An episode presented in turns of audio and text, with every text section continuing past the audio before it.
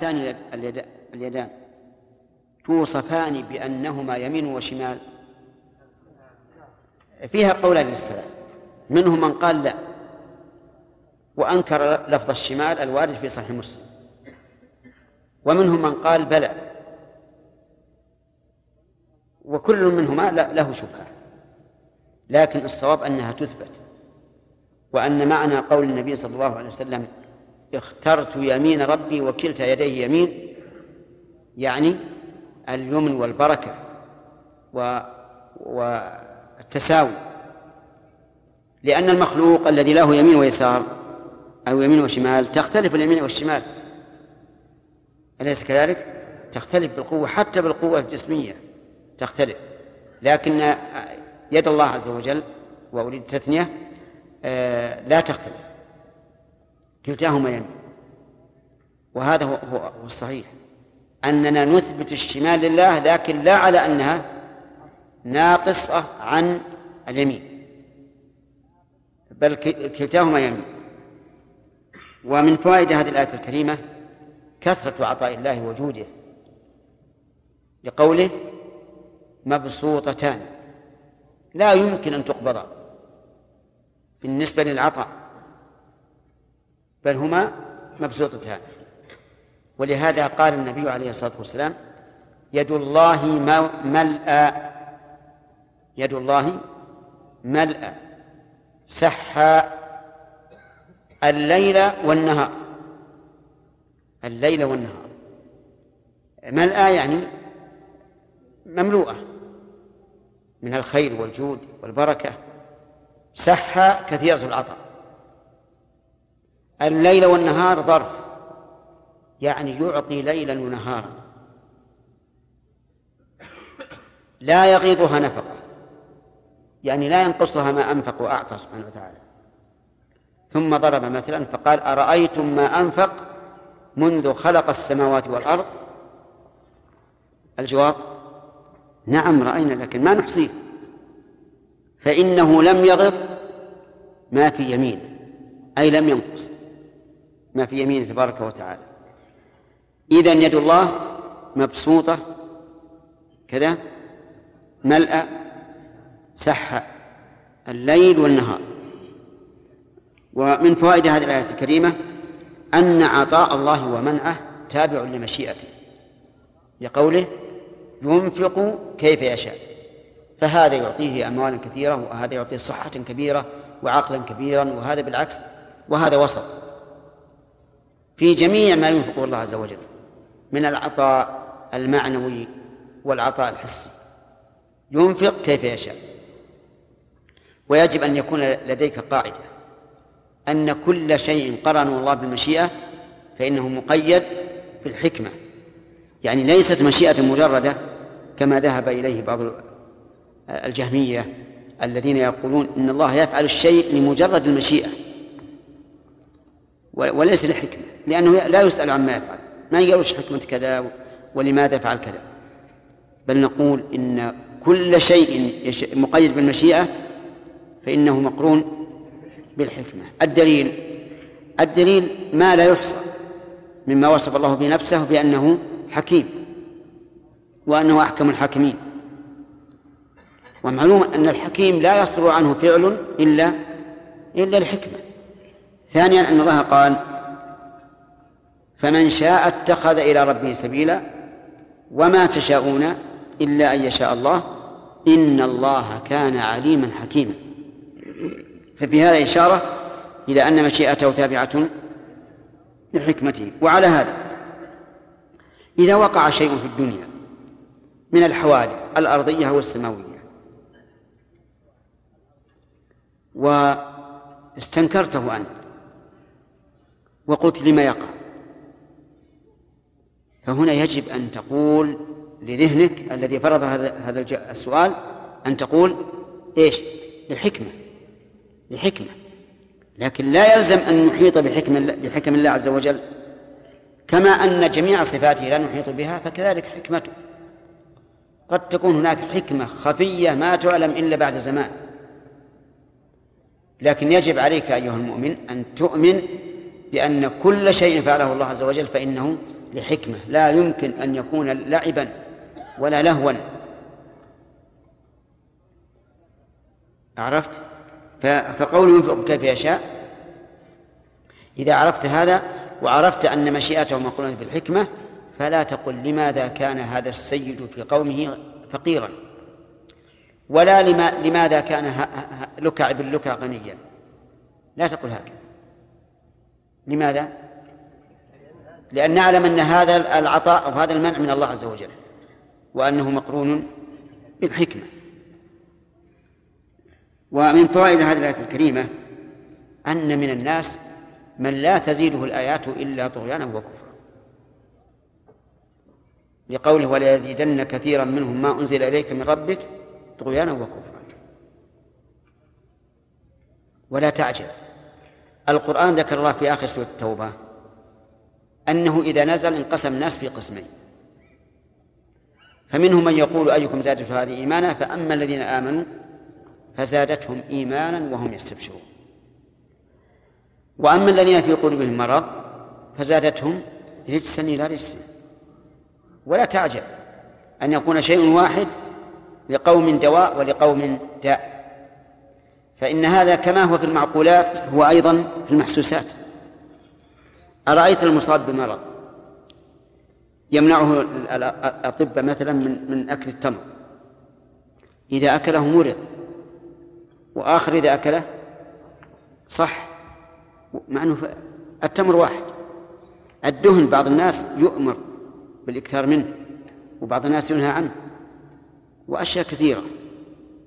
فلا تعجب إذا كان في المعقولات ما يزيد أقواما وينقص آخرين. ومن فوائد هذه الآية الكريمة عناد اليهود وأنهم لا يمكن أن أن يخضعوا لما نزل من السماء. لكونه لا يزيدهم ما أنزل على محمد إلا طغيانا وكفرا. ومن ومن فوائد الآية الكريمة الإنصاف والعدل. في حكم الله عز وجل. لأنه قال كثيرا منهم ولم يقل أكثرهم ولم يقل كلهم. ولهذا يجب على الإنسان إذا رأى من قوم انحرافا من بعضهم أن لا أن لا يجري يجري الحكم على الجميع. بل يقول كثير أو بعض أو منهم أو ما أشبه ذلك. لأنه لو عمم مع وجود استقامة في الآخرين لكان ظالما من وجه وكاذبا من وجه آخر. ولهذا تجد الله سبحانه وتعالى يقول لا يزيدن كثيرا منه. ولم يقل أكثر ولا ولا الجميع. ومن فوائد الآية الكريمة أن النبي صلى الله عليه وسلم حق. لقوله ما أنزل إليك من ربك. فكان النبي عليه الصلاة والسلام منزلا عليه فهو رسول الله حقا. نقف على هذا لأن الأسئلة جاءت. نعم؟ ما هو حد الكثير ما هو حد الكثير نعم الكثير الكثير حسب النسبة. يعني مثلا آه، ثلاثة من عشرة قليل ولا كثير؟ لا كثير. ثلاثة من عشرة. حول الثلث. طيب آه، ثلاثة من ثلاثين ألف. قليل. إي نعم. شيخ بارك الله فيكم. بعض أهل العلم يقول إن الحكمة ليكشف الله سبحانه وتعالى الناس يوم القيامة. إيه؟ هل هذا القول صحيح على الدليل؟ والله ما أدري ما أدري هل تؤخذ من أن الله بين أنه يوم القيامة يبين للناس ما ذكروا به. يبين للناس ما ذكروا به. فالله أعلم. لكن من حكمة الله عز وجل أنه أنه جعل بعض الحكم خفية. لأنه لا يتحقق عبودية الإنسان إلا إذا انقاد. لمن لما ظهرت حكمته وما لم تظهر. لكن لو كان كل شيء بين كان الأمر واضح. فإخفاء بعض الحكم لا شك من حكمة الله عز وجل. ولذلك تمام الانقياد أن يقول الإنسان سمعنا وأطعنا ولا يسأل. وقد نبهت على مسألة ربما كانت غائبة عن كثير من الناس وهي أن أنه إذا قيل أمر الله بكذا أو أمر الرسول بكذا قال وش الأمر استحباب ولا ولا ولا وجوب؟ ما ما هو صحيح هذا. كمال العبودية أن تقول سمعنا وأطعنا وتفعل. نعم إذا تورطت في الأمر وخالفت المأمور أو فعلت المحظور حينئذ لا بأس أن تسأل لأجل إذا كان على سبيل الوجوب تستعتب. وإذا كان النهي على سبيل التحريم تستعتب أيضا.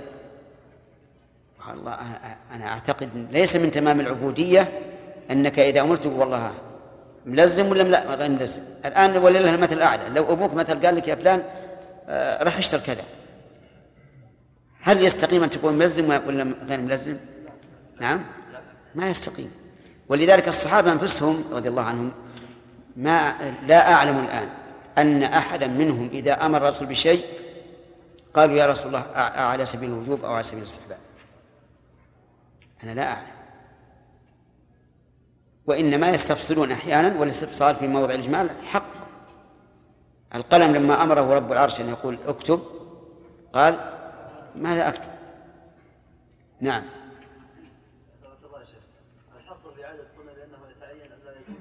نعم. قول النبي صلى الله عليه وسلم سبعة يظلهم الله. لا. هو لو لولا ورود لولا ورود أحاديث لا لا لا اختصرنا هذا. ثم أيضا العدد في سبعة يظلهم الله. هذا من باب آه، من باب حصر الأوصاف. ما هو بحصر الأعيان ثلاثة لا يكلمهم الله ولا ينظر إليهم ولا يزكيهم ولا عذاب أليم هذه وردت في عدة أوصاف. أكثر من ثلاثة. نعم.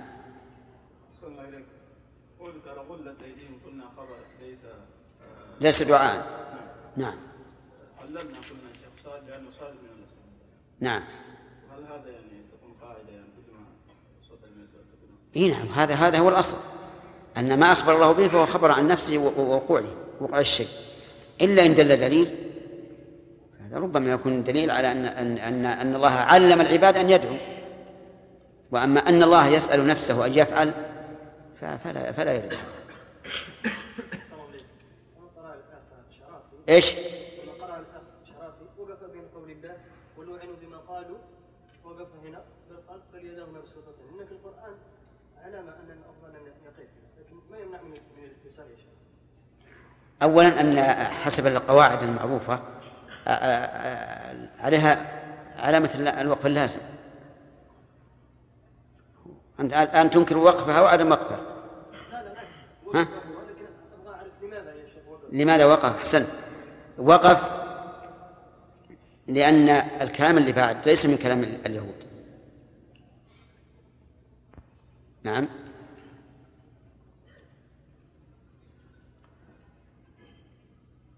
طبعا أنا أقصد يد الله مغلولة. غلت أيديهم أما لعنوا بما قالوا فهو المكتوب عليه وقف لازم. ووجه ذلك أن الأول خبر عن عما كان لليهود والثاني خبر عن صفات الله تبارك وتعالى ولذلك قرن ببل. نعم.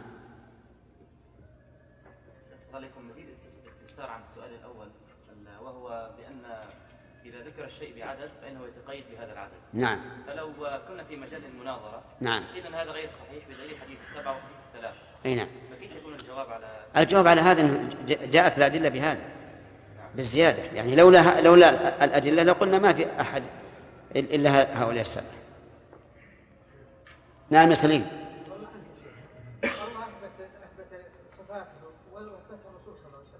وأنكروها بعض الاسلام هذا يا شيخ يعني يكبر بالنفس ويتصور الإنسان ان الشيء العظيم يا شيخ نعم.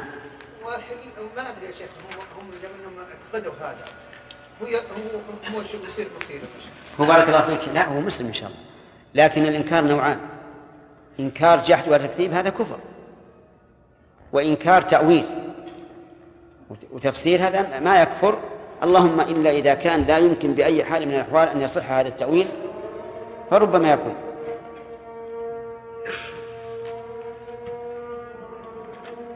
الله أكبر. تبع القراءة؟ أعوذ بالله من الشيطان الرجيم.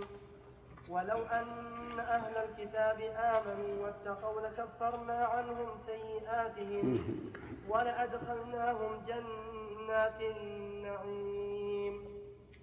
ولو أنهم أقاموا التوراة والإنجيل وما أنزل إليهم من ربهم لأكلوا من فوقهم ومن تحت أرجلهم منهم أمة مقتصدة وكثير منهم ساء ما يعملون. أعوذ بالله من الشيطان الرجيم. آه، ما زلنا في بيان الفوائد المستنبطة من الآية السابقة وهي قوله تعالى وقالت اليهود يد الله مغلولة. وبينا فيها أو وصلنا فيها إلى قوله تعالى والله لا يحب المفسدين. أليس كذلك؟ يعني وقفنا إلى هذه الجملة. ففي هذه الآية من الفوائد إثبات أن الله تعالى أن المحبة ثابتة لله. أن الله يحب وهي محبة حقيقية. أثبتها أهل السنة والجماعة على قاعدتهم المعروفة وهي وجوب إجراء ظاهر ظاهر النصوص وهو وهو وجوب إجراء النصوص على ظاهرها في باب صفات الله. وأن الله يحب. وهل هو يحب؟ الجواب نعم هو يحب. وقد صرح الله بذلك في قوله يا أيها الذين آمنوا من يرتد منكم عن دينه فسوف يأتي الله بقوم يحبهم ويحبونه. فالله تعالى يحب على ما له من صفات الكمال وعلى ما له من صفات من أفعال الإحسان والإنعام. ولهذا جاء في الأثر أحب الله لما يغدوكم به من النعم. والإنسان لو أن أحدا من الناس أحسن إليه لأحبه لإحسانه فكيف بالخالق الذي أوجده وأمده وأعده؟ فهو أولى أن يكون محبوبا. أما كونه يحب فنعم. جاء ذلك في القرآن الكريم وكذلك في السنة النبوية. محبة الله تارة تضاف للعمل وتارة للزمان وتارة للمكان وتارة للعامل كل ذلك جاء. أحب البقاع إلى الله مساجده ما من أيام العمل الصالح فيهن أحب الله من هذه الأيام العشر يعني عشر ذي الحجة. أحب الأعمال إلى الله الصلاة على وقتها. إن الله يحب التوابين ويحب المطهرين ويحب المتطهرين. والآيات في هذا كثيرة متنوعة. وهل محبة الله هي ثواب الله أو إرادة ثوابه؟ أو هي صفة زائدة على ذلك. الجواب الثالث. خلافا لمن فسر المحبة بالثواب أو بإرادة الثواب ممن ينكرون قيام المحبة بالله عز وجل. ولا شك أن هؤلاء ضالون لأنهم حتى إذا قلنا إنها الثواب يلزم من من الثواب المحبة لأن الله لا يحب إلا من لا يثيب إلا من يحب. حتى لو فسرناها بإرادة الثواب يلزم منها المحبة أيضا لأن الله لا يريد أن يثيب أحدا إلا حيث يحبه.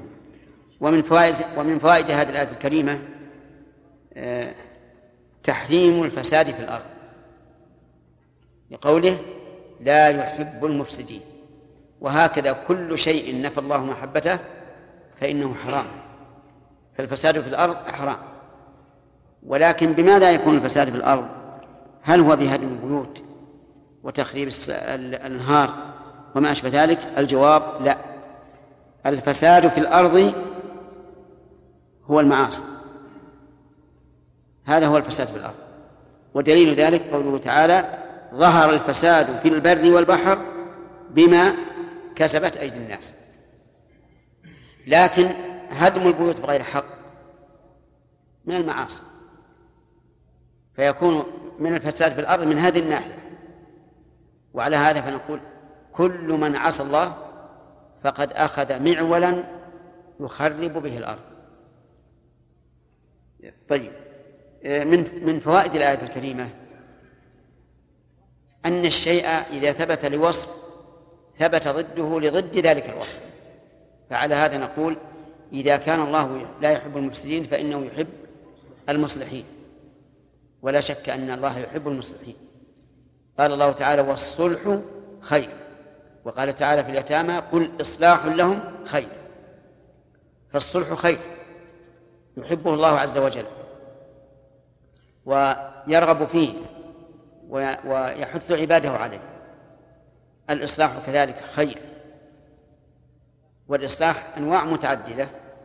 والناس بالنسبة للأرض على ثلاثة أقسام صالح وصالح مصلح وفاسد مفسد. وإن شئت زد رابعا فاسد غير مفسد حتى تتم الأقسام. لكن يلزم من الفاسد أن يكون مفسدا ولذلك نقتصر على ثلاثة أقسام. فنقول الناس بالنسبة للأرض ثلاثة ثلاثة صالح لكنه لا ينفع إلا نفسه. وهذا يكون في كثير من العباد. كثير من العباد صالح بنفسه لكن لا يحاول أن يصلح غيره. يرى المنكر أمام عينه لا ينهى عنه. يرى التفريط في المعروف أمام عينه لا يأمر به. وهكذا. هذا نقول إنه صالح.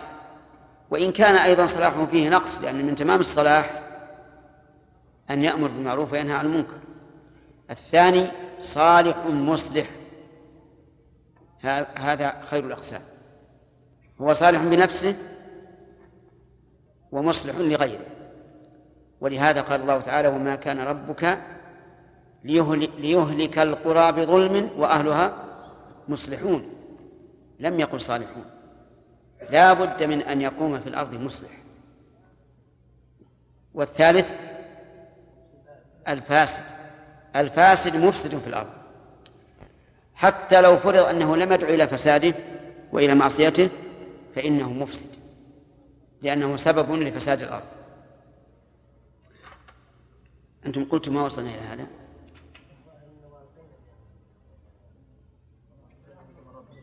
نعم. اللهم اسمعنا ما يتفق عليه.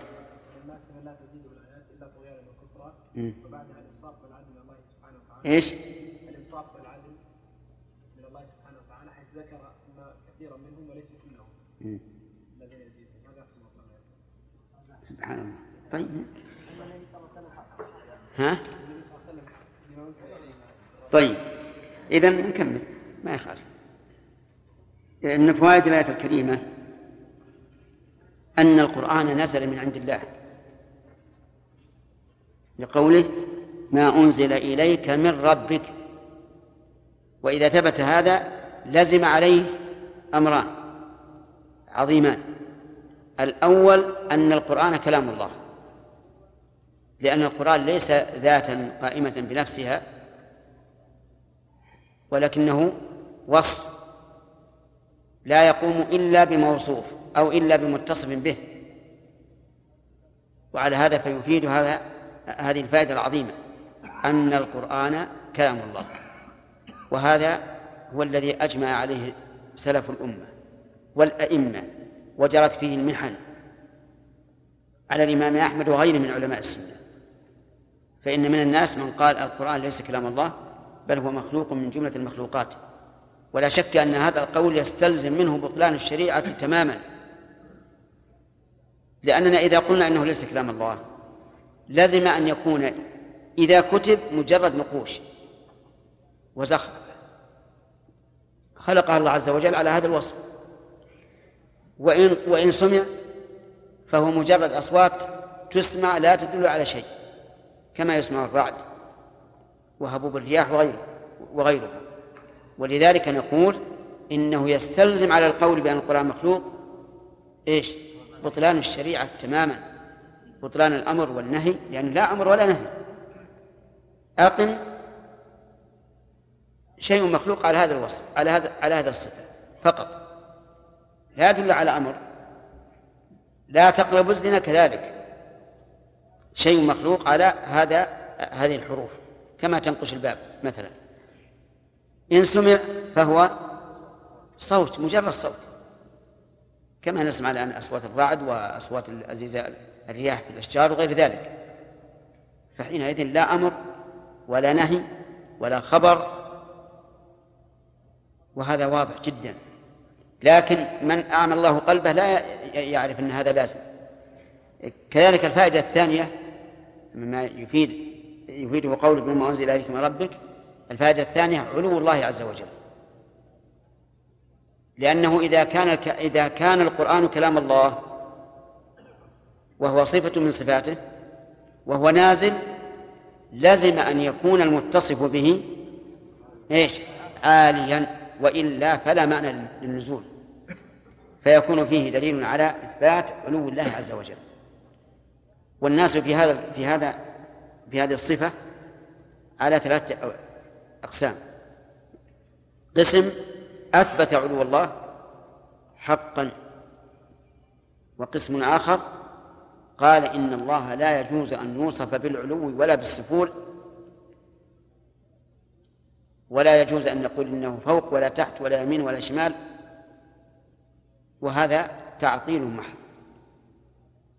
ولو قيل لأحد صف العدم ما وصفه بأدق من هذا الوصف الذي وصفوه به الرب عز وجل. القسم الثالث الثاني القسم الثاني قالوا إن الله تعالى في كل مكان. ولا يجوز أن نقول إنه في العلو.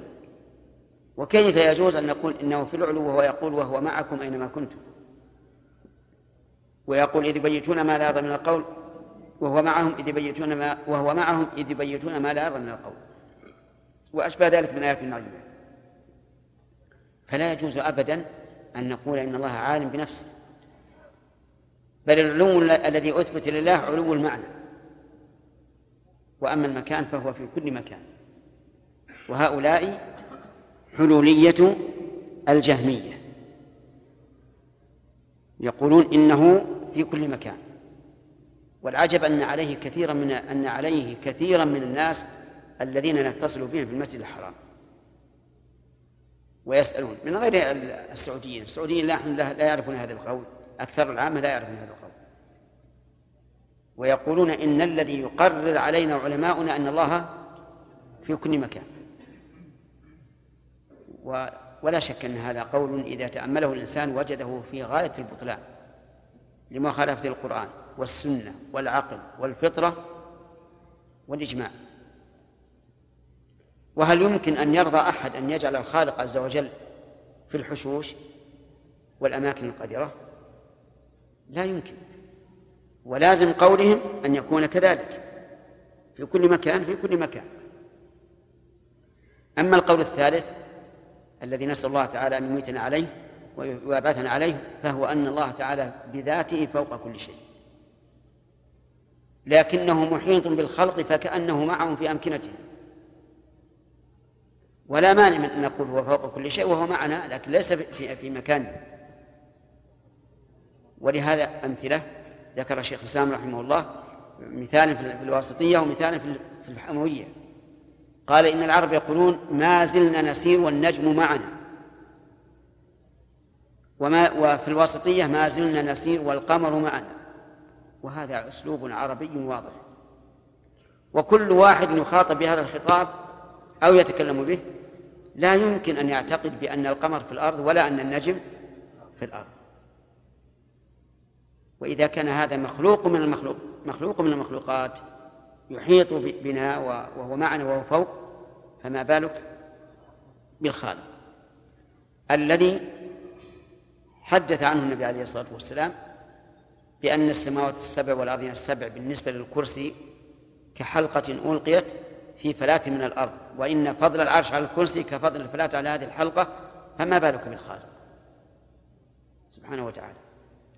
فعلى كل حال نحن نؤمن بأن الله سبحانه وتعالى فوق كل شيء حقا. أما صفاته فما أحد من المسلمين فيما نعلم ينكر علو الصفات. كلهم يقولون إنه كان بالصفات لكن يبقى النظر هل كلهم يثبتون كل ما ورد من الصفات؟ لا. لكن من أثبت له صفة كمال فيقول إنه عالم بهذه الصفة الكاملة. ومن فوائد هذه الآية الكريمة عناية الله سبحانه وتعالى بالرسول عليه الصلاة والسلام.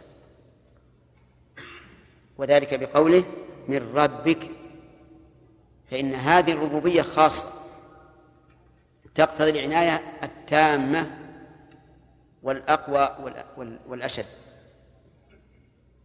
واعلم أن الربوبية نوعان عامة وخاصة. اجتمع في قوله تعالى عن السحرة قالوا آمنا برب العالمين رب موسى وهارون. العامة برب العالمين. وقال الشيخ محمد بن عبد الوهاب رحمه الله كل من سوى الله فهو عالم. وعلى هذا يكون برب العالمين أي برب الخلق كله. رب موسى وهارون هذه؟ نعم هذه خاصة. كما أن العبودية كذلك عامة وخاصة. فالعبودية الكونية عامة ومنها قول الله تعالى إن كل من في السماوات والأرض إلا آتي الرحمن عبدا. كل من في السماوات بالعبودية الكونوية عبد لله. هل أحد يستطيع أن يمنع المرض إذا قدر الله عليه؟ أبدا. وهل أحد يستطيع أن يرد ملك الموت إذا جاء لقبض روحه؟ أبدا. ولهذا تحدى الله هؤلاء فقال لهم فلولا إذا بلغت الحكوم وأنتم حينئذ تنظرون ونحن أقرب إليه منكم ولكن لا تبصرون فلولا إن كنتم غير مدينين ترجعونها إن كنتم صادقين ما يمكن. لو يجتمع الخلق كلهم أن يردوا هذه الروح التي بلغت الحكوم ما استطاعوا. إذن فالكل عبد لله بهذا إيش؟ بهذا المعنى أي بالعبودية الكونية. أما القسم الثاني العبودية الخاصة فهي العبودية الشرعية التي منها قول الله تعالى وعباد الرحمن الذين يمشون على الأرض هونا إلى آخره. طيب من فوائد الآية الكريمة أن الله تعالى ألقى العداوة والبغضاء بين اليهود. بقوله ألقينا بينهم العداوة والبغضاء. وهذا كلام حق صدق ليس عندنا فيه شك.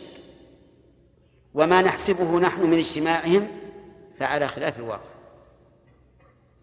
ولهذا قال الله تعالى تحسبهم جميعا وقلوبهم شتى. لا تظن أنهم متفقون ابدا ولذلك هم احساب شتى الآن.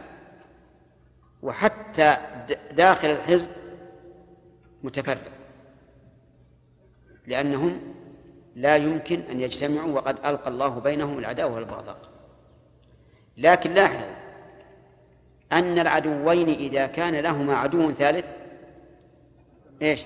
اجتمع عليه اجتمع عليه لمقابلة العدو الثالث فاجتماعهم الآن اليهود ليس لأنهم متحابون متآلفون أبدا ولا يمكن أن نصدق والله يقول ألقينا بينهم العداوة والبغضاء إلى يوم القيامة لكنهم اجتمعوا لهدف واحد ومصلحة واحدة ضد إيش؟ عدو واحد للجميع وهذا الاجتماع لا شك أنه اجتماع ظاهري فقط مقصود لغيره وليس مقصودا لذاته.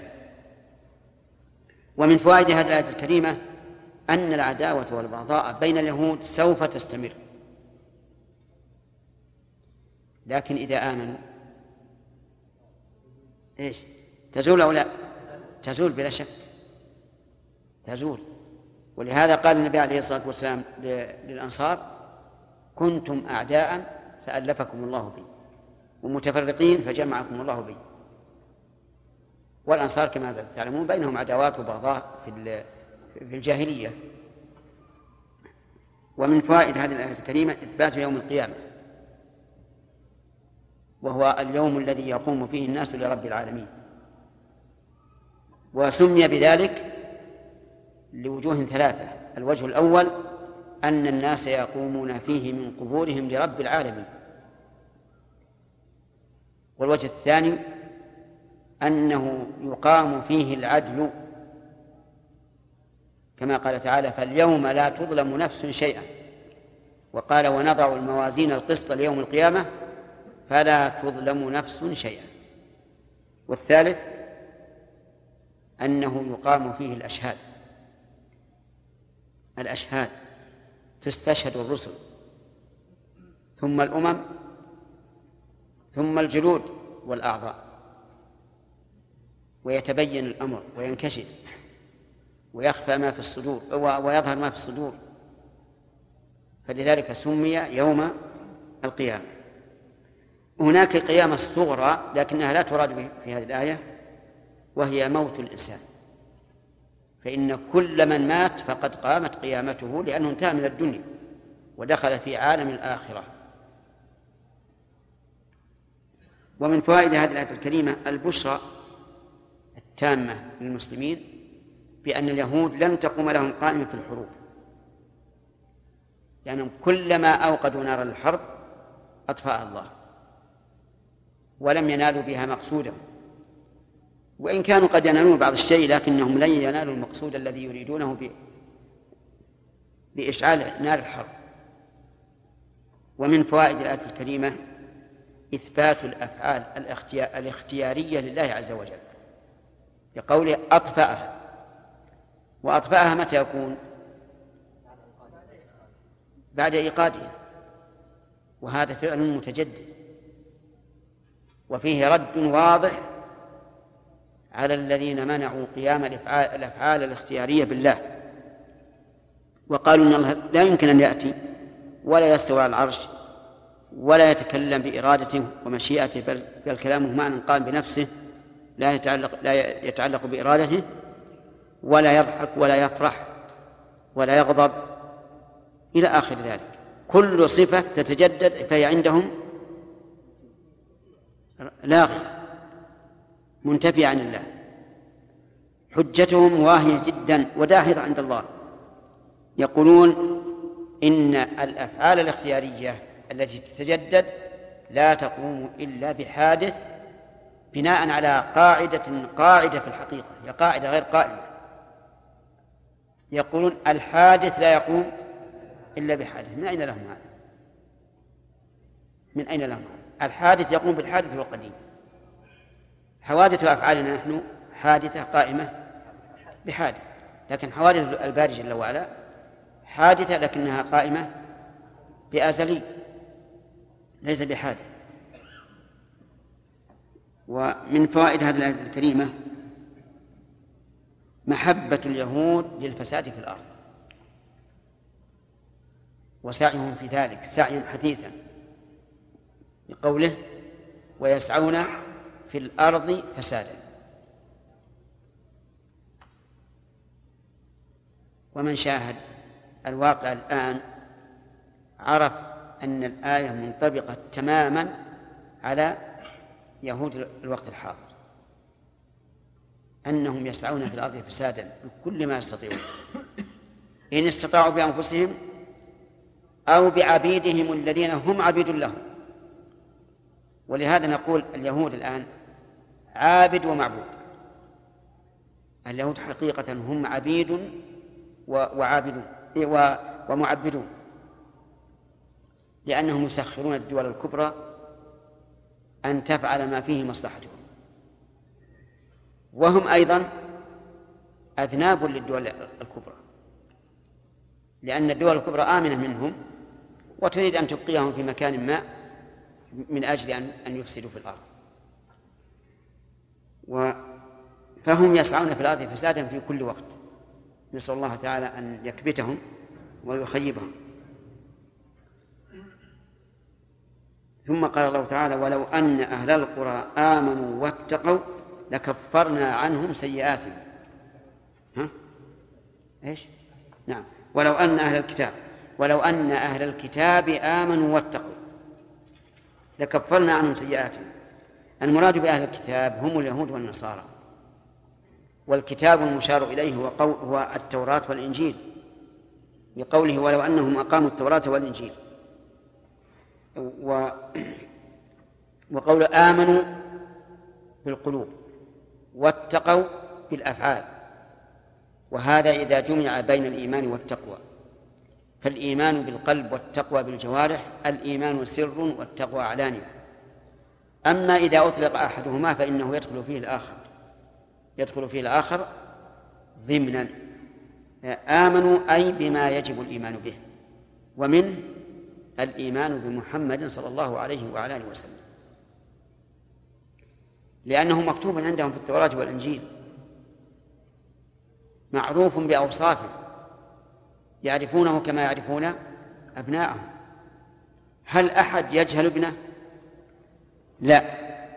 وعلقه بالأبناء لأن تعلق الإنسان بالابن أقوى من تعلقه بالبنت فتكون معرفته للابن أبلغ من معرفته للبنت. ولأن الابن يسير معه في تجارته في حراثته في كل شيء فهو يخبر ظاهره وباطنه. لكن البنت محلها البيت ولا يخبرها تماما إلا أمها فهم يعرفون الرسول كما يعرفون أبناءهم ومع ذلك لم يؤمنوا به. فيكون الإيمان عندهم منتفيا أو ثابتا. منتفيا. لأنهم ما آمنوا. حتى لو قالوا إنهم مؤمنون بموسى إن كانوا يهودا أو بعيسى إن كانوا نصارى فهم كاذبون. وأما التقوى فالمعنى التقوى اجتناب ما حرم الله والقيام بما أمر. وهذا في العلانية الجوارح الأقوال والأفعال. وقد نعم. والتقوى هي اتخاذ وقاية من عذاب الله. بفعل أوامره واجتناب نواهيه وتصديق أخباره. هذه هي التقوى. لكفرنا هذه جواب لو لكفرنا عنهم سيئاتهم واعلم أن لو تقول اللام في جوابها كثيرا وقد تحذف وقد اجتمع ذلك في آخر سورة الواقعة. فقال الله تعالى في الزرع لو نشاء لجعلناه حطاما. وقال في الماء لو نشاء جعلناه أجاجا. فأثبت اللام في الأول ولم ولم يثبتها في الثاني. أما إذا كان جوابها ماء النافية. فإنها لا تقرن بها إلا نادرا. وأما ما اشتهر عند الفقهاء وعند كثير من الناس وهو قرن لا قرن لام بماء فهذا لغة لكنها قليلة. فالأفصح أن تقول لولا كذا ما حصل كذا. ولكن لا بأس أن تقول لما حصل كذا. إذن الإثبات والنفي بماء متقابلان. الأفصح في الإثبات أو الأكثر على الأصح. الأكثر في الإثبات إيش؟ لا. الأكثر باللام والأكثر في في النفي بما حذف اللام. ومنه قول الشاعر في إثبات اللام ولو نعطى ولو نعطى الخيار لما افترقنا ولكن لا خيار مع الليالي. الشاهد قوله ولو نعطى نعم. قوله لما افترقنا ولكن لا خيار مع الليالي وقوله كفرنا عنهم سيئاتهم أي خطيئاتهم. يعني يعني معاصيهم. سواء كان بفعل واجب بترك واجب أو بفعل محرم. لأن الإيمان والتقوى يكفران السيئات. و ولا أدخلناهم جنات النعيم هذا ثواب الآخرة. ولا أدخلناهم جنات النعيم. فانتفى عنهم ما يكرهون بتكفير السيئات. وحصل ما يحبون بإدخال جنات النعيم. وقول جنات النعيم جمع جنة وجمعت لأنها أنواع. وقد ذكر الله في سورة الرحمن كم نوعا؟ أربعة أنواع. و والجنة في الأصل هي البستان الذي الذي كثرت أشجاره حتى صارت تغطي أرضه. لأن الأصل في هذه المادة الجيم والنون الأصل فيها الاستتار والخفاء ومنه سمي الجن جنا والبستان كثير الأشجار جنة قال الله تبارك وتعالى واضرب لهم مثل الرجلين جعلنا لأحدهما جنتين من أعناب. لكن لا ينبغي أن تقول مثل هذا القول عند العامة. لأنك لو قلت إن الأصل في الجنة أنها آه، البستان كثير الأشجار لكان تقل عظمة الجنة في نفوسهم. ولكننا نفسر الجنة التي في القرآن بأنها الدار التي أعدها الله تعالى لأوليائه وفيها ما لا عين رأت ولا أذن سمعت ولا خطر على قلب بشر. لأن هذا يبقي هيبتها في النفوس وقوة الرغبة فيها. وقول النعيم أي نعيم؟ أنعيم البدن أم نعيم القلب أم هما؟ نعم هما جميعا. نعيم البدن ينعم الإنسان. بكل أنواع النعم. ونعيم القلب لا يمكن أن يحرقه هم ولا غم ولا حزن بل هم دائما في أنس. ولهذا قال الله تعالى فوقاهم الله شر ذلك اليوم ولقاهم نظرة وسرورا. النظرة في الوجه كما قال تعالى وجوه يومئذ ناظرة والسرور في القلب.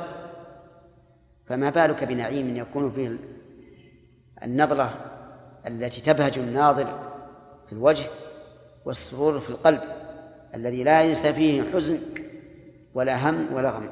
اللهم اجعلنا من هؤلاء الذين يدخلون جنة النعيم. نعم. بارك الله فيكم. يعني الإنسان أحيانا يجد نفسه وهو إن كان يعني صالح في نفسه إلا أنه لا يجد عنده القوة والقدرة على الإصلاح. نعم. ويحس بالهيبه والرهبة. فكيف تزول هذه؟ الحمد لله. هذه تزول إذا قرأت قول الله تعالى فاتقوا الله ما استطعتم. وعرفت أنك قمت بما استطعت. فأنت إذا قمت بما استطعت كأنما قمت بالكمال كله. لأنك ممتثل لأمر الله. ولا يكلف الله نفسا إلا وسعها. لكن الذي يدخل الإنسان في هذه المسألة هو التأويل أحيانا. إذ يقول مثلا لنفسه المقام هنا ليس مقام مثل تذكير أو أمر أو نهي. لعلي أتكلم في مكان آخر أو ما أشبه ذلك. هذا اجتهاد. الإنسان مأجور عليه إما أجران وإما أجر واحد. وأما أن يكلف الإنسان نفسه وأن يريد من الناس أن يصلحوا على يديه هذا مستحيل. بل قال الله عز وجل لنبيه عليه الصلاة والسلام فلا فلعلك تارك بعض ما يوحى إليك وضايق به صدرك أن يقولوا لولا أنزل عليه كنز أو جاء معه ملك. ويقول لعلك باخر نفسك ألا يكونوا مؤمنين. ويقول فلعلك باخر نفسك على آثارهم إن لم يؤمنوا بهذا الحديث أسفا شيخ تكون صفة دائمة؟ نعم. إذا كانت هذه صفة دائمة يحاول يعالج يعالج لا يكون جبانا. لا يكون جبانا ولا يكون ثقيلا على الناس أيضا والإنسان الذي يسأل الله دائما التوفيق والحكمة والسداد ييسر لذلك نعم الله يا شيخ بعض العلماء يقسم علو الله سبحانه وتعالى إلى علو ذات وقدر وقهر. إيش؟ بعض العلماء نعم يقسم علو الله سبحانه وتعالى إلى علو ذات وقدر وقهر. نعم. آه، فعلو الصفات في أي أقسام تدخل؟ آه، الصفات يدخل بها القدر والقهر. إذا قلنا علو ذات وعلو صفات شمل القدر والقهر. كيف يدخل القهر؟ نعم. كيف يدخل في علو القهر؟ القهر لأن الله قال في القرآن الكريم هو الذي أرسل رسوله بالهدى ودين الحق ليظهره على الدين وقال ولا تهنوا ولا تحزنوا وأنتم الأعلون هذا عدو القهر نعم.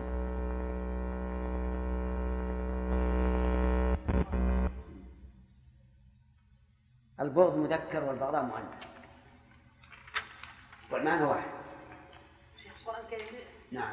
قلنا يلزم أن المفسد في نفسه يكون آه، أن الفاسد في نفسه يكون مفسدا. نعم.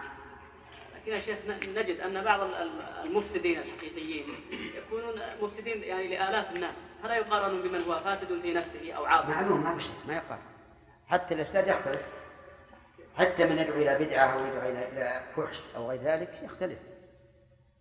لكن إذا قلنا أن فساد الأرض بالمعاصي فكل عاصي فله نصيب من هذا. نعم. شيخ عليكم. هل القول في المعية كالقول في القرب ونحوه من أنها صفة حقيقية لله تليق بجلاله؟ أي نعم. أي نعم. الشيخ الإسلام رحمه الله نص على هذه العقيدة الوسطية. وهو معنا حقيقة وعلى عرشه حقيقة. نعم الإشكال حفظكم الله هو هذا ما نعتقده ولكن هل يشكل عليه ما ذكره شيخ الإسلام نفسه من ضرب المثال بالقمر والنجم؟ فيعني هذا كأنه يقول بأن هذا أسلوب عربي آه، وهو ليس بتأويل إنما هذا هو المفهوم من السياق كما قلنا تجري بأعيننا ونحو ذلك. نعم. فكيف؟ هذا صحيح. نعم. هذا هو الصحيح.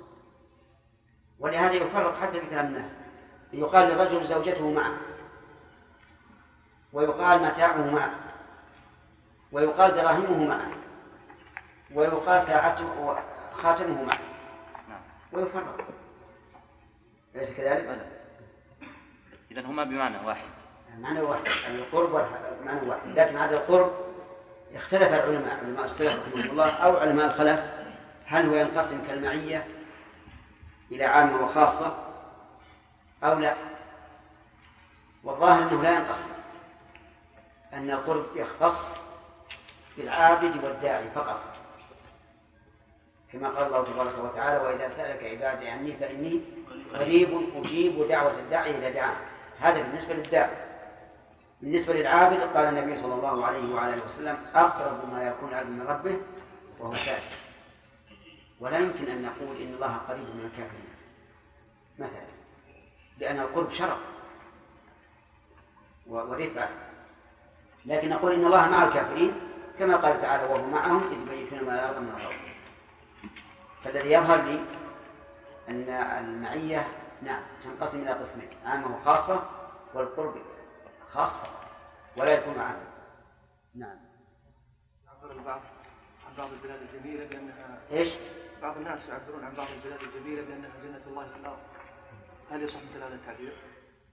والله يصح لكن إذا كان يفهم منها أنها قطعة من جنة الخلد فلا يجوز ولا معلوم كل اللي في الأرض فهو لله عز وجل. لكن على كل حال عند العامة لا ينبغي أن تعبر بها. قد يفهم منها معنى غير صحيح مما عملت أيدينا. نعم. نؤدي بأعيننا. كان تقريرنا في الرد على شبهة هؤلاء مختلف في هذه الآية غير عن نعم. بالرغم من الظاهر أن الرد الرد يكون واحد. نعم. كيف؟ الإشكال في هذا غير الإشكال في هذا. لا يختلف الإشكال. ولو أن أهل الكتاب آمنوا واتقوا لكفرنا عنهم سيئاتهم ولأدخلناهم جنات النعيم. ولو أنهم أقاموا التوراة والإنجيل وما أنزل إليهم من ربهم لأكلوا من فوقهم ومن تحت أرجلهم منهم أمة مقتصدة وكثير منهم ساء ما يعملون. أحسنت. أعوذ بالله من الشيطان الرجيم. قال الله تعالى ولو أن أهل الكتاب آمنوا واتقوا لكفرنا عنهم سيئاتهم. لو هذه شرطية فوائد إيه طيب. قوله تعالى ولو أن أهل الكتاب آمنوا واتقوا إلى آخره. يستفاد من ذلك كمال عدل الله عز وجل. وأن كل مؤمن وأن كل من آمن واتقى ولو بعد الكفر والعناد فإن الله تعالى يتوب عليه. ومن فوائد الآية الكريمة أن التائب من الذنب يثاب بثوابين ثواب الدنيا وثواب الآخرة. ثواب الآخرة لقوله لكفرنا عنهم سيئاتهم ولأدخلناهم جنة النعيم. وثواب الآخرة الدنيا في قوله لأكلوا من فوقهم ومن تحت أرجلهم. ومن فوائد الآية الكريمة إثبات أفعال الله سبحانه وتعالى الاختيارية لقوله لكفرنا عنهم سيئاتهم. لأن هذا التكفير متى يكون؟ بعد إيمانهم وتقواهم. فيكون فيه دليل على إثبات أفعال الله الاختيارية وهذا هو الذي عليه السلف الصالح وأئمة أهل السنة. أن الله عز وجل يفعل ما يشاء في أي وقت وعلى أي كيفية. وأما من قال إن الأفعال الاختيارية لا يمكن أن تنسب إلى الله لأنها حادثة والحادث لا يقوم إلا بحادث فقوله مردود أولا أنه قياس باطل لمصادمته النص والثاني أنه قياس غير صحيح. من قال إنه يلزم من قيام الحوادث بصاحبها أن يكون حادثا؟ ومن فوائد هذه الآية الكريمة أن الجزاء يكون بالنجاة من المرهوب وحصول المطلوب. يشير إلى الأول قوله لكفرنا عنهم سيئاتهم. وإلى الثاني قوله ولا أدخلناهم جنات النعيم. فالأول به النجاة من المرهوب والثاني به حصول المطلوب. ومن فوائد الآية الكريمة أن أن الجنات فيها النعيم المطلق الذي يشمل نعيم البدن ونعيم الروح. ويدل لذلك قوله تعالى ولقاهم نظرة وسرورا قال العلماء النظرة في الوجه والسرور في القلب. ثم قال الله عز وجل ولو أنهم أقاموا التوراة والإنجيل وما أنزل إليهم من ربهم وهذا أمر فوق التقوى. هذا ما شرح. ها؟ وهذا أمر فوق الإيمان والتقوى وهو إقامة التوراة والإنجيل وذلك بتصديق أخبارهما وامتثال أمرهما واجتناب نهيهما. والتوراة هي الكتاب المنزل على موسى والإنجيل المنزل يا أخ على عيسى. طيب لو أنهم أقاموا التوراة والإنجيل وهذا يشمل الصنفين من أهل الكتاب يعني اليهود والنصارى كل منهما يجب عليه إقامة التوراة والإنجيل. وما أنزل إليهم من ربهم وهو القرآن الكريم. وقوله أنزل إليهم يدل على أن هؤلاء ملزمون بالإيمان بالقرآن وإقامته. ويدل على أن قوله ما أنزل إليهم من ربهم هو القرآن قوله تعالى وأنزل التوراة والإنجيل من قبل هدى للناس. أكمل. وأنزل الفرقان. وأما قول بعض العلماء وما أنزل إليهم من ربهم يشمل حتى الكتب السابقة ففيه نظر. لأن الكتب السابقة نزلت على من قبله لكنهم مكلفون بالإيمان بها. وما أنزل إليهم من ربهم لأكلوا من فوقهم. هذا جواب الشرط. جواب الشرط لو. وقد سبق البحث في أن لو الشرطية تختص بالأفعال وأن النحويين قدروا في مثل هذا ولو أنهم أقاموا التراث قدروا فعلا وهو ولو ثبت أنهم أقاموا التوراة أو ولو حصل أنهم أقاموا التوراة. وقول لأكلوا من فوقهم ومن تحت أرجلهم. هذه تشمل عدة أشياء. أولا لأكلوا من فوقهم وذلك بنزول الأمطار التي تكون سببا للنبات الذي يأكلونه. والأمطار يا سامي تنزل تنزل من السماء. ومن تحت أرجلهم يعني الأرض يعني نبات الأرض. فيكون الله تعالى ذكر سبب النبات والنبات. وهذا كقوله ولو أن أهل القرى آمنوا واتقوا لفتحنا عليهم بركات من السماء والأرض. هذا وجه. والآية ويدخل في الآية. وقيل المعنى أكلوا من فوقهم بثمار الأشجار. من ثمار الأشجار من ثمار الأشجار. لأن الأشجار تكون عالية فوق فيأكلون من ثمارها. من تحت أرجلهم من الزروع ونحوها التي تكون في الأرض ليس لها ساق. فيكون الله تعالى بين أنهم سيبارك لهم في الأشجار والزروع. وقيل المعنى لأكلوا من كل وجه. كما تقول هذا الرجل في نعمة من هامه إلى إبهام. والمراد أن النعمة تغمره. وعلى كل حال فالآية تشمل, تشمل هذا وهذا. كلها كل هذه الأوجه يصح أن تفسر به الآية. وقد سبق لنا قاعدة في هذه المسألة مهمة وهي أن الآية إذا احتملت معنيين فأكثر على السواء ولا منافاة بينهما. فإنها تحمل عليهما جميعا. وهكذا الأحاديث أيضا. لأكلوا من فوقهم ومن تحت أرجلهم. منهم أمة مقتصدة وكثير منهم ساء ما يعملون. قسمهم الله تعالى إلى قسمين. طائفة أمة هنا بمعنى طائفة. وأمة في اللغة العربية لها معاني متعددة جاءت في القرآن. فتكون بمعنى طائفة كما في هذه الآية. وتكون بمعنى الدين. تكون بمعنى الدين مثل قوله تعالى وأن هذه أمتكم أمة واحدة وتكون وتكون بمعنى الزمن في قوله وادكر بعد أمة وتكون بمعنى الإمام كما في قوله تعالى إن إبراهيم كان أمة ومن مجيئها بمعنى الدين قوله تعالى عن المشركين إنا وجدنا آباءنا على أمة أي على ملة. وهذه أوضح من قوله إن من تمثيلنا بقوله وأن هذه أمتكم أمة واحدة لأنها يحتمل معنى الأمة الجماعة من الناس. على كل حال الأمة في القرآن جاءت على أربعة معاني. الأول الطائفة. الثاني الدين. الثالث الزمن.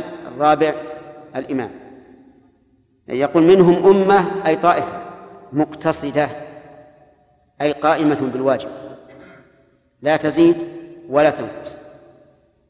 وكثير منهم ساء ما يعملون أي كثير منهم سيئة غير مقتصدة بل هي مفرطة. ومفرطة ولهذا وصف العمل المشار إليه بقول الساء ما يعملون. فكلمة ساء ما يعملون. تبين أن المعنى و وكثير منهم غير مقتصد بل مسيء في عمله فساء ما كانوا يعملون. وعليه في فيكون ساء ما يعملون. ليس خبر كثير بل خبرها محذوف. أي كثير منهم سيء سيء العمل لم يقتصد فساء ما يعملون. بقي قسم ثالث. خص الله به هذه الأمة وهو السابق بالخيرات. كما في قوله تعالى ثم أورثنا الكتاب الذين اصطفينا من عبادنا. يعني هذه الأمة جعلنا الله وإياكم منهم. من آه من عبادنا فمنهم ظالم لنفسه ومنهم مقتصد ومنهم سابق بالخيرات بإذن الله. فكأن بني إسرائيل السابق بالخيرات منهم قليل بحيث لا يقام له وزن ولا يذكر ولا يذكر بالتقسيم وإلا فلا شك أن فيهم سابقا بالخيرات. منهم من أدرك الإسلام فأسلم هذا سابق بالخيرات. لكن لما كان السابق بالخيرات قليلا في بني إسرائيل لم يجد له ذكر. لأن الذكر إنما يكون لمن كان له شأن في التقسيم وكثير منهم ساء ما يعملون. في هذه الآية فوائد. منها أن إقامة الشريعة في كل زمان سبب لكل خير. يقول ولو أنهم أقاموا التوراة والإنجيل إلى آخره. ومنها أن من أقام الشريعة جوزي بأمرين جزاء في الدنيا وجزاء في الآخرة. ومنها أنه يجوز ترغيب النفوس البشرية في فعل الطاعات بما يذكر من ثواب الدنيا. بما يذكر من ثواب الدنيا. وانتبه لهذه النقطة. وعلى هذا فلو أن الإنسان عمل عملا صالحا يريد أن ينال حسن الدنيا والآخرة فإنه لا يلام.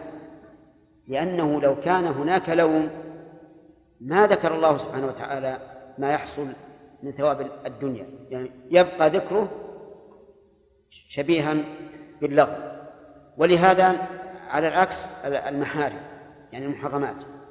تجد أن الله تعالى جعل لها روادع تردع عنها حتى لا يفعلها الإنسان. فتجد الرجل قد يترك الزنا مثلا خوفا من من العقوبة. ولولا هذا لما كان للعقوبة فائدة فعلى كل حال نقول إن الإنسان إذا قام بقلبه إرادة الدنيا لكن لا على أنها هي الباعث للعمل فلا حرج عليه. لا حرج عليه. أليس الإنسان يقرأ الأوراد؟ لماذا؟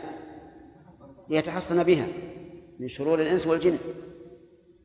تجد الذي يقرأ الورد قد يغيب عن باله أنه يريد أن يتقرب إلى الله بالتلاوة وإنما وإنما يريد التحصن. لماذا؟ لأن النفوس البشرية ضعيفة تحتاج إلى أمر مادي يساعدها على فعل الخيرات. ويدل هذا الأصل أن الرسول عليه الصلاة والسلام في بعض المغازي يجعل سلب القتيل لمن؟ قتله تشجيعا له. فقول بعض الناس إنه لا يجوز للإنسان أن يريد بعمل الآخرة شيئا من الدنيا هذا غير صحيح. بل قال الله تعالى من كان يريد حرث الآخرة نزده في حرثه يعني نعطيه في الدنيا والآخرة. من فوائد الآية الكريمة أنه يجب على بني إسرائيل على أهل الكتاب يجب عليهم أن يقيموا القرآن كما يجب أن يقيموا التوراة والإنجيل. بقوله وما أنزل إليهم من رب. وهو كذلك. ولهذا نقول لأهل الكتاب الذين يدعون أنهم مؤمنون بالله واليوم الآخر نقول إن إنكم إن لم تؤمنوا بالرسول صلى الله عليه وسلم ما نفعكم ذلك الإيمان لأنكم لا, لا لم تتموا إيمانا ومن فوائد الآية الكريمة أن القرآن كلام الله. لقوله وما أنزل إليهم من ربهم ووجه ذلك أن القرآن صفة لأنه كلام والكلام لا بد له من إيش؟ من متكلم. لأن الصفة لا بد لها من مصروف وإذا كان لا بد للقرآن من متكلم به فمن الذي يتكلم به؟ هو الله عز وجل. ومن فوائد هذه الآية الكريمة إثبات علو الله تعالى. بقوله وما أنزل إليهم من ربهم لأنه إذا كان القرآن صفة الله نازل نازلا منه لزم أن يكون الله تعالى عاليا. وهذا والحمد لله عند من أنار الله بصيرتهم ولم تحتوش الشياطين وكان على الفطرة التي فطر الله عليها أمر لا يحتاج إلى دليل لأنه أمر فطري وهو علو الله تعالى علو الذات. ومر علينا كثيرا أن المنكرين لعلو الذات انقسموا إلى قسمين. قسم قال إن الله تعالى في كل مكان في السماء والأرض. هو نفسه ذاته في كل مكان. وقسم آخر قالوا لا يجوز أن نوصف بأنه فوق ولا تحت ولا يمين ولا شمال ولا منفصل عن العالم ولا متصل بالعالم. فالأول فالأولى غلوا فالأولون غلوا في إثبات صفة من الصفات وهي المعية والآخرون غلوا بما يدعونه تنزيها للرب عز وجل. إذا نأخذ من هذا أنه يجب علينا أن نؤمن بعلو الله عز وجل. ومن فوائد هذه الآية الكريمة إقامة الدليل على أهل الكتاب أنه يلزمهم أن يؤمنوا بالقرآن. بقوله من ربهم. فإن لازم كونه ربا لهم أن يقوموا بأمره ويلتزموا حكمه لأنه رب والرب لا بد له من مرفوع وهو سبحانه وتعالى السيد والإنسان عبد. فلا بد أن يقوموا بمقتضى هذه الربوبية فيؤمنوا بما أنزل الله تعالى على محمد صلى الله عليه وسلم. ومن فوائد الآية الكريمة أن نعم الله عز وجل التي في الأرض. منها ما هو عال ومنها ما هو نازل لقوله من فوقهم ومن تحت أرجلهم وهذا شيء مشاهد بل منها ما هو ظاهر ومنها ما هو خفي فالمعادن التي في الأرض نعم خفية والأشياء الظاهرة على وجه الأرض ظاهرة. ومن فوائد هذه الآية الكريمة انقسام أهل الكتاب إلى قسمين. قسم إيش هو؟ مقتصد. قائم بالواجب تارك للمحرم لكن ليس عنده سبق إلى الخيرات. وقسم آخر سيء مسيء في عمله إما بترك الواجبات وإما بفعل المحرمات. لقوله لقوله منهم أمة مقتصدة وكثير منهم ساء ما يعملون. ومن فوائد الآية الكريمة بيان منقبة عظيمة لهذه الأمة. وهي أن هذه الأمة قسمها الله إلى كم؟ إلى ثلاثة أقسام. منهم ظالم لنفسه ومنهم مقتصد ومنهم سابق بالخيرات. أما أهل الكتاب فلم يقسموا إلا إلى قسمين المقتصد ومسيء العمل. وكثير منهم ساء ما يعملون. ثم قال عز وجل يا أيها الرسول بلغ ما أنزل إليك من ربك. انتبه للندى وللوصف الذي وجه إليه الندى يا أيها الرسول آه، قدمنا كثيرا أن تقديم النداء في الخطاب أن تصدير الخطاب بالنداء يدل على إيش؟ الاهتمام به والعناية به وقوله يا أيها الرسول وصفه بالرسالة إشارة إلى أن هذا الوصف مقتضاه وإن لم يؤمر بالإبلاغ أن يكون مبلغا لأنه رسول. يا أيها الرسول ويعني به محمد محمدا صلى الله عليه وعلى آله وسلم. وعلى هذا فتكون ال للعهد. كمل. الذهن. أما في قوله كما أرسلنا إلى فرعون رسولا فعصى فرعون الرسول فأل للعهد الذكري طيب. يا أيها الرسول يعني محمدا صلى الله عليه وسلم بلغ ما أنزل إليك. بلغ أي أي اجعله بالغا. بمعنى أن تؤديه إلى من أرسلت إليه. وهو صلى الله عليه وسلم أرسل إلى الجن والإنس منذ بعث إلى يوم القيامة. وعلى هذا فيكون تبليغه إما مباشر كالذين رأوه وسمعوا منه وإما بواسطة من خلفه في أمته علما ودعوة. وهم العلماء.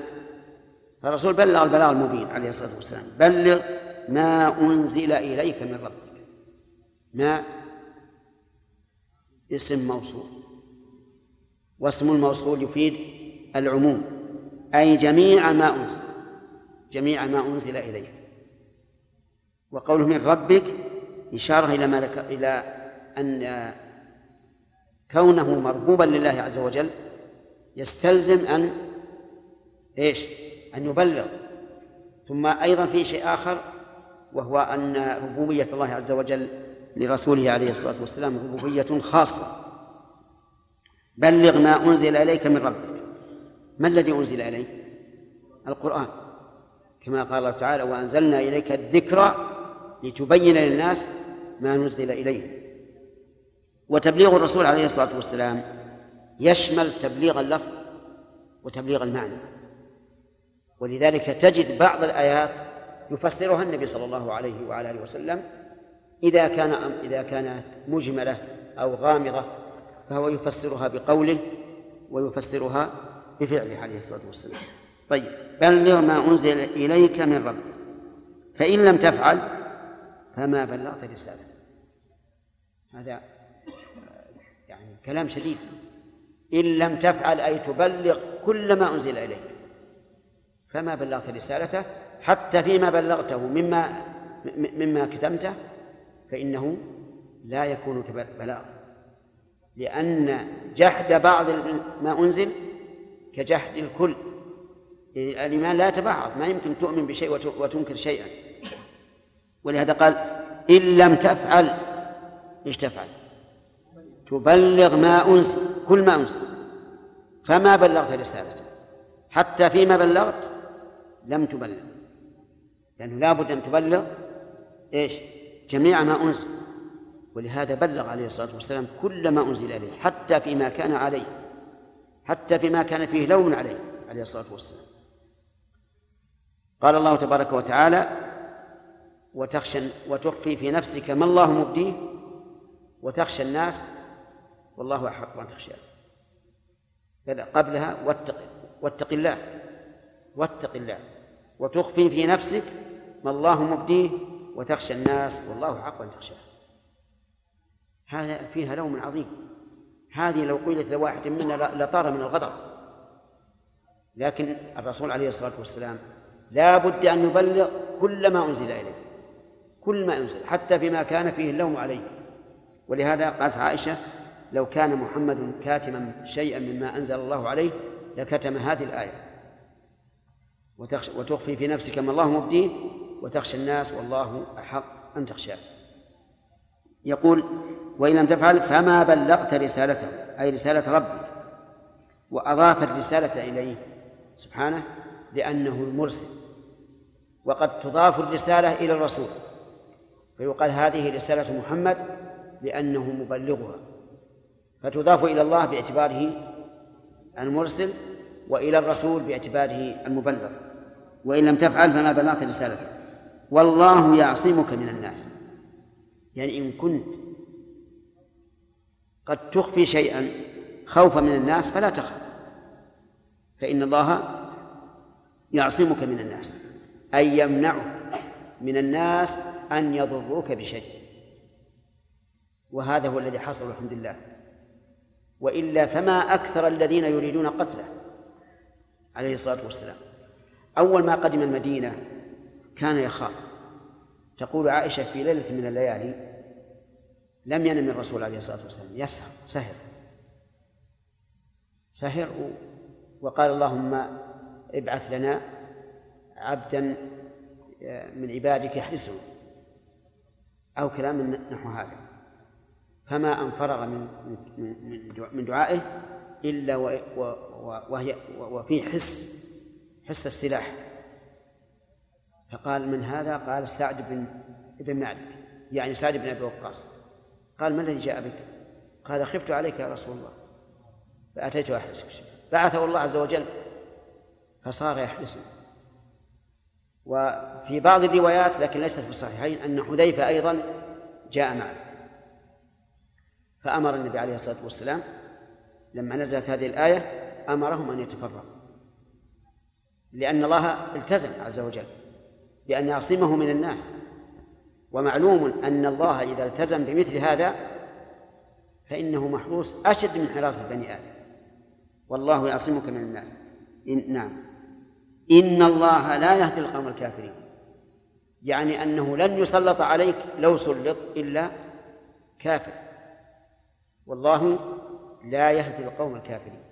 أي لا يصلح شأنهم حتى يصلوا إلى ما يريدون. وعلى هذا فيكون قوله لا يهدي القوم الكافرين أي لا يدلهم إلى ما يريدون من قتل النبي صلى الله عليه وعلى آله وسلم. ويحتمل أن المعنى لا يهديه هداية هداية الدين. ويكون لا يهدي القوم الكافرين الذين قضى الله عليهم بالكفر. والموت عليهم.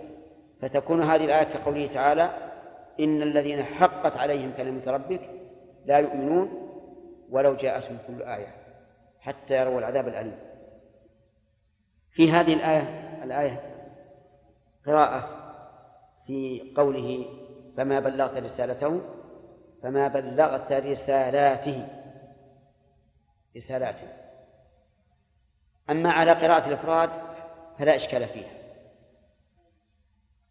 وأما على قراءة الجمع فلماذا جمعت والرسالة واحدة؟ نقول باعتبار الشرائع التي جاءت بها هذه الرسالة لأنها جاءت بأعمال وأقوال واعتقادات أعمال قلوب وأعمال جوارح جاءت بفعل وبترك. فكل نوع يعتبر رسالة فصح الجمع. في هذه الآية الكريمة فوائد. منها إثبات رسالة النبي صلى الله عليه وعلى آله وسلم. لقوله تعالى يا أيها الرسول. ومن فوائده فوائدها منقبة عظيمة للرسول عليه الصلاة والسلام. حيث كان رسولا لمن؟ لله عز وجل. هذه منقبة. الناس الآن فيما بينهم؟ يكرم الرسول بإكرام مرسله. وإذا كان مرسله ذا شأن في المجتمع كان كونه رسولا له إيش؟ شرفا له شرفا له. إذن فالرسول عليه الصلاة والسلام في نداء الله له بهذا الوصف منقبة عظيمة له وشرف عظيم. وإذا كان وصف العبودية شرفا فوصف الرسالة أشد. لأن الرسالة متضمنة للعبودية وزيادة. ومن فوائد هذه الآية الكريمة أنه يجب على الرسول عليه الصلاة والسلام أن يبلغ كل ما أنزل إليه. كل ما أنزل. وقد حصل هذا. وشهدت له الأمة بذلك ولله الحمد. ففي أكبر مجتمع اجتمع فيه الرسول عليه الصلاة والسلام بأمته في يوم عرفة قال لهم ألا هل بلغت؟ قالوا نعم. ثلاث مرات. وهو يقول ألا هل بلغت؟ فيقولون نعم. فيشهد الله. اللهم اشهد اللهم اشهد. وشهادة هذه صدر هذه الأمة ينسحب إلى بقية الأمة إلى يوم القيامة. فنحن نشهد بالله أنه بلغ البلاغ المبين عليه الصلاة والسلام. وبلغ الرسالة كاملة.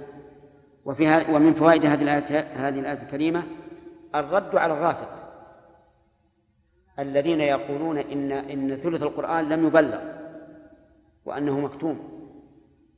فنقول كل القرآن مبلغ والحمد لله ولم يبق شيء. وقد ذكر ذلك المفسر رحمه الله.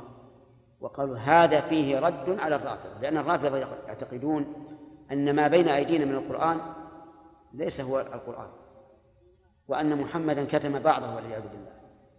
أو من بعده كتموا أيضا. ومن فوائد الآية الكريمة إثبات أن القرآن كلام الله كقوله ما أنزل إليك وفي أيضا إثبات العلو وسبق قريبا. ومن فوائد الآية الكريمة عناية الله بالرسول عليه الصلاة والسلام لقوله من ربك. ومن فوائدها أن النبي صلى الله عليه وسلم وحاشاه لو كتم شيئا مما أنزل إليه لم يكن أدى حق الرسالة. من أين تؤخذ؟ وإن لم تفعل فما بلغت رسالته. ومن فوائدها وجوب إبلاغ الشريعة على أهل العلم. وجوب إبلاغ الشريعة على أهل العلم. وجه ذلك أن العلماء ورثة الأنبياء. وإذا كانوا ورثة الأنبياء وجب عليهم أن يقوموا بحق الإرث فيبلغوا ما علموا من شريعة الله وجوبا إما بالقول وإما بالفعل إما بالكتابة وإما بالإشارة. بأي وسيلة يجب عليهم أن يبلغوا ما أنزل إلى إلى الرسول عليه الصلاة والسلام. ومن ثم يجب أن تذكروا ما أقول لكم كثيرا أنه قد تجب السنن على طالب العلم. السنن اللي هي سنن تجب على طالب العلم. لأن هذا من إبلاغ الرسالة.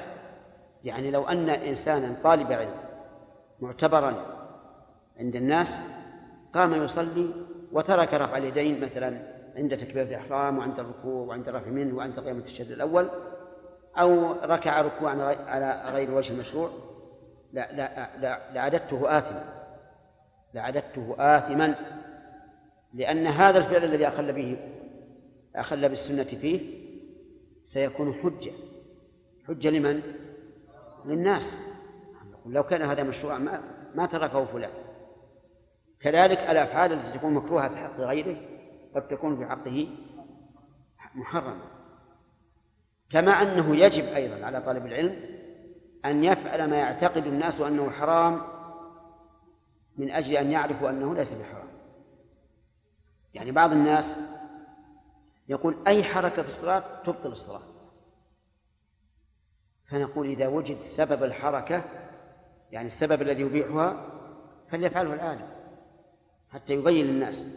لكن في هذه الحال إذا خاف أن يقتدى به يبين بالقول أنه فعل ذلك الحاجة وأن الحركة في الصلاة إذا كانت الحاجة فلا بأس بها وما أشبه ذلك.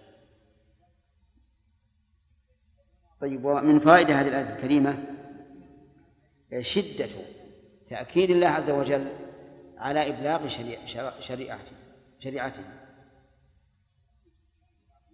لأن هذه الكلمة أو الجملة فإن لم تفعل فما بلغت. شديدة جدا. مما يدل على أن الله عز وجل لا يرضى لعباده أن يتركوا شريعته غير مبلغة. ومن فوائد الآية الكريمة أن كتم شيء من الشريعة ككتم ككتم جميعه. لقوله وإن لم تفعل فما بلغت رسالة. وهذا من فوائد القراءة الثانية. فما بلغت رسالاتي. لأنه قد يقول قائل وبلغ الرسالة فيما بلغ. فإذا قال ما بلغت رسالاته شمل الذي بلغ والذي لم يبلغ. فهذه من فوائد القراءة الثانية. ومن فوائد هذه الآية الكريمة عناية الله تعالى بالرسول عليه الصلاة والسلام في عصمته من الناس. لقوله والله يعصمك من الناس. وهل هذه مطلقة أو مقيدة بما يحصل به البلاغ.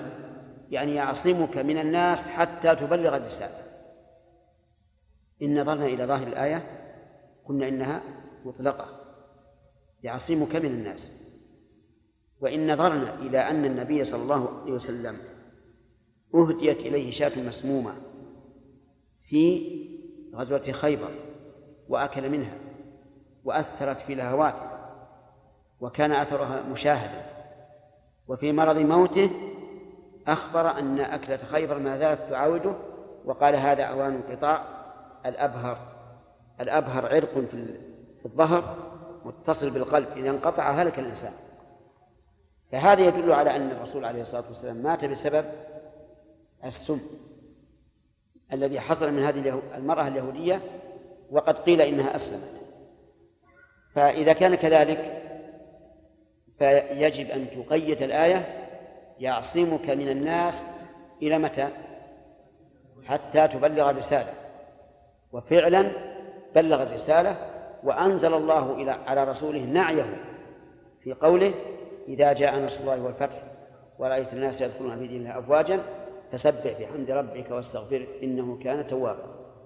والحديث يعني حديث الشاة في البخاري ذكره تعليقا جازما به. والحديث المعلق عند البخاري يكون صحيحا عنده مو عند كل أحد عنده. وقد ذكره معلقا بصيغة الجزم. ومن فوائد الآية الكريمة الإشارة إلى أن القلوب بيد الله عز وجل. وأن أفعال الخلق تابعة لإرادة الله. من أين تؤخذ؟ يعصمك لأن عصمة الرسول من الناس تنقسم إلى قسمين. إما عدم الإرادة بأن يصرف الله القلوب عن قتله وإما للعجز بأن يحاول الفاعل ولكن يعجز وهذا حصل. لعلكم تذكرون قصة بني النضير. لما جاء الرسول عليه الصلاة والسلام يستنجدهما أو يستعين بهم كادوا له.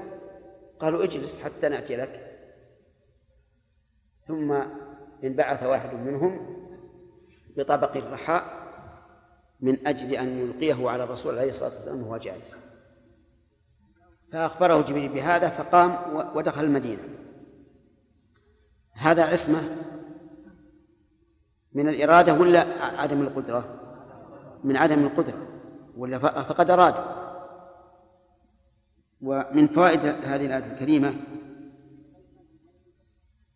أن الكافرين وإن كادوا لأولياء الله فإن الله سبحانه وتعالى لا يهديهم لقوله والله لا يهدي القوم الكافرين.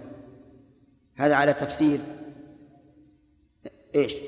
أن المراد بالهداية دلالتهم دلالتهم على تنفيذ ما يريدون. وقد قال الله تعالى إنهم يكيدون كيدا وأكيد كيدا. يعني كيدا أعظم من كيده. وقال تعالى ويمكرون ويمكر الله والله خير الماكرين. أما على القول الثاني على الاحتمال الثاني أنه لا يهديهم هداية شرع فيكون فيه دليل على أن من قضى الله عليه بالكفر فإنه لا يستطيع أحد أن يهديه لأن الله لا يهدي القوم الكافرين. وفيه أيضا من فوائد الآية أن من علم الله تعالى منه الكفر فإنه لا يهدى ولا يوفق. فتكون هذه الآية كقوله تعالى فلما زاغوا أزاغ الله قلوبهم. والله لا يهدي القوم الفاسقين.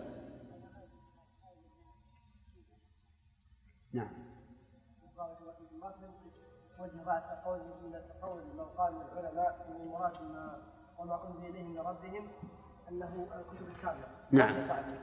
نعم وجه الضعف فيه ان أن الذي نعلم نحن الآن أنهم كلفوا بالتوراة والإنجيل.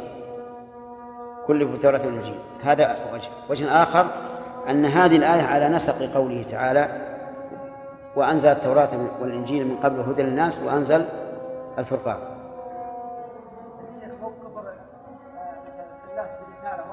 نعم. إلا بلى. لكن ما أنزل إليه. ما يقال هذا مثلا الكتاب الذي نزل على نوح نازل على على اليهود والنصارى. لكن يجب عليهم الإيمان به. كما أن التوراة والإنجيل ما نزلت علينا. لكن يجب علينا الإيمان بها. نعم يا سليم. سليم.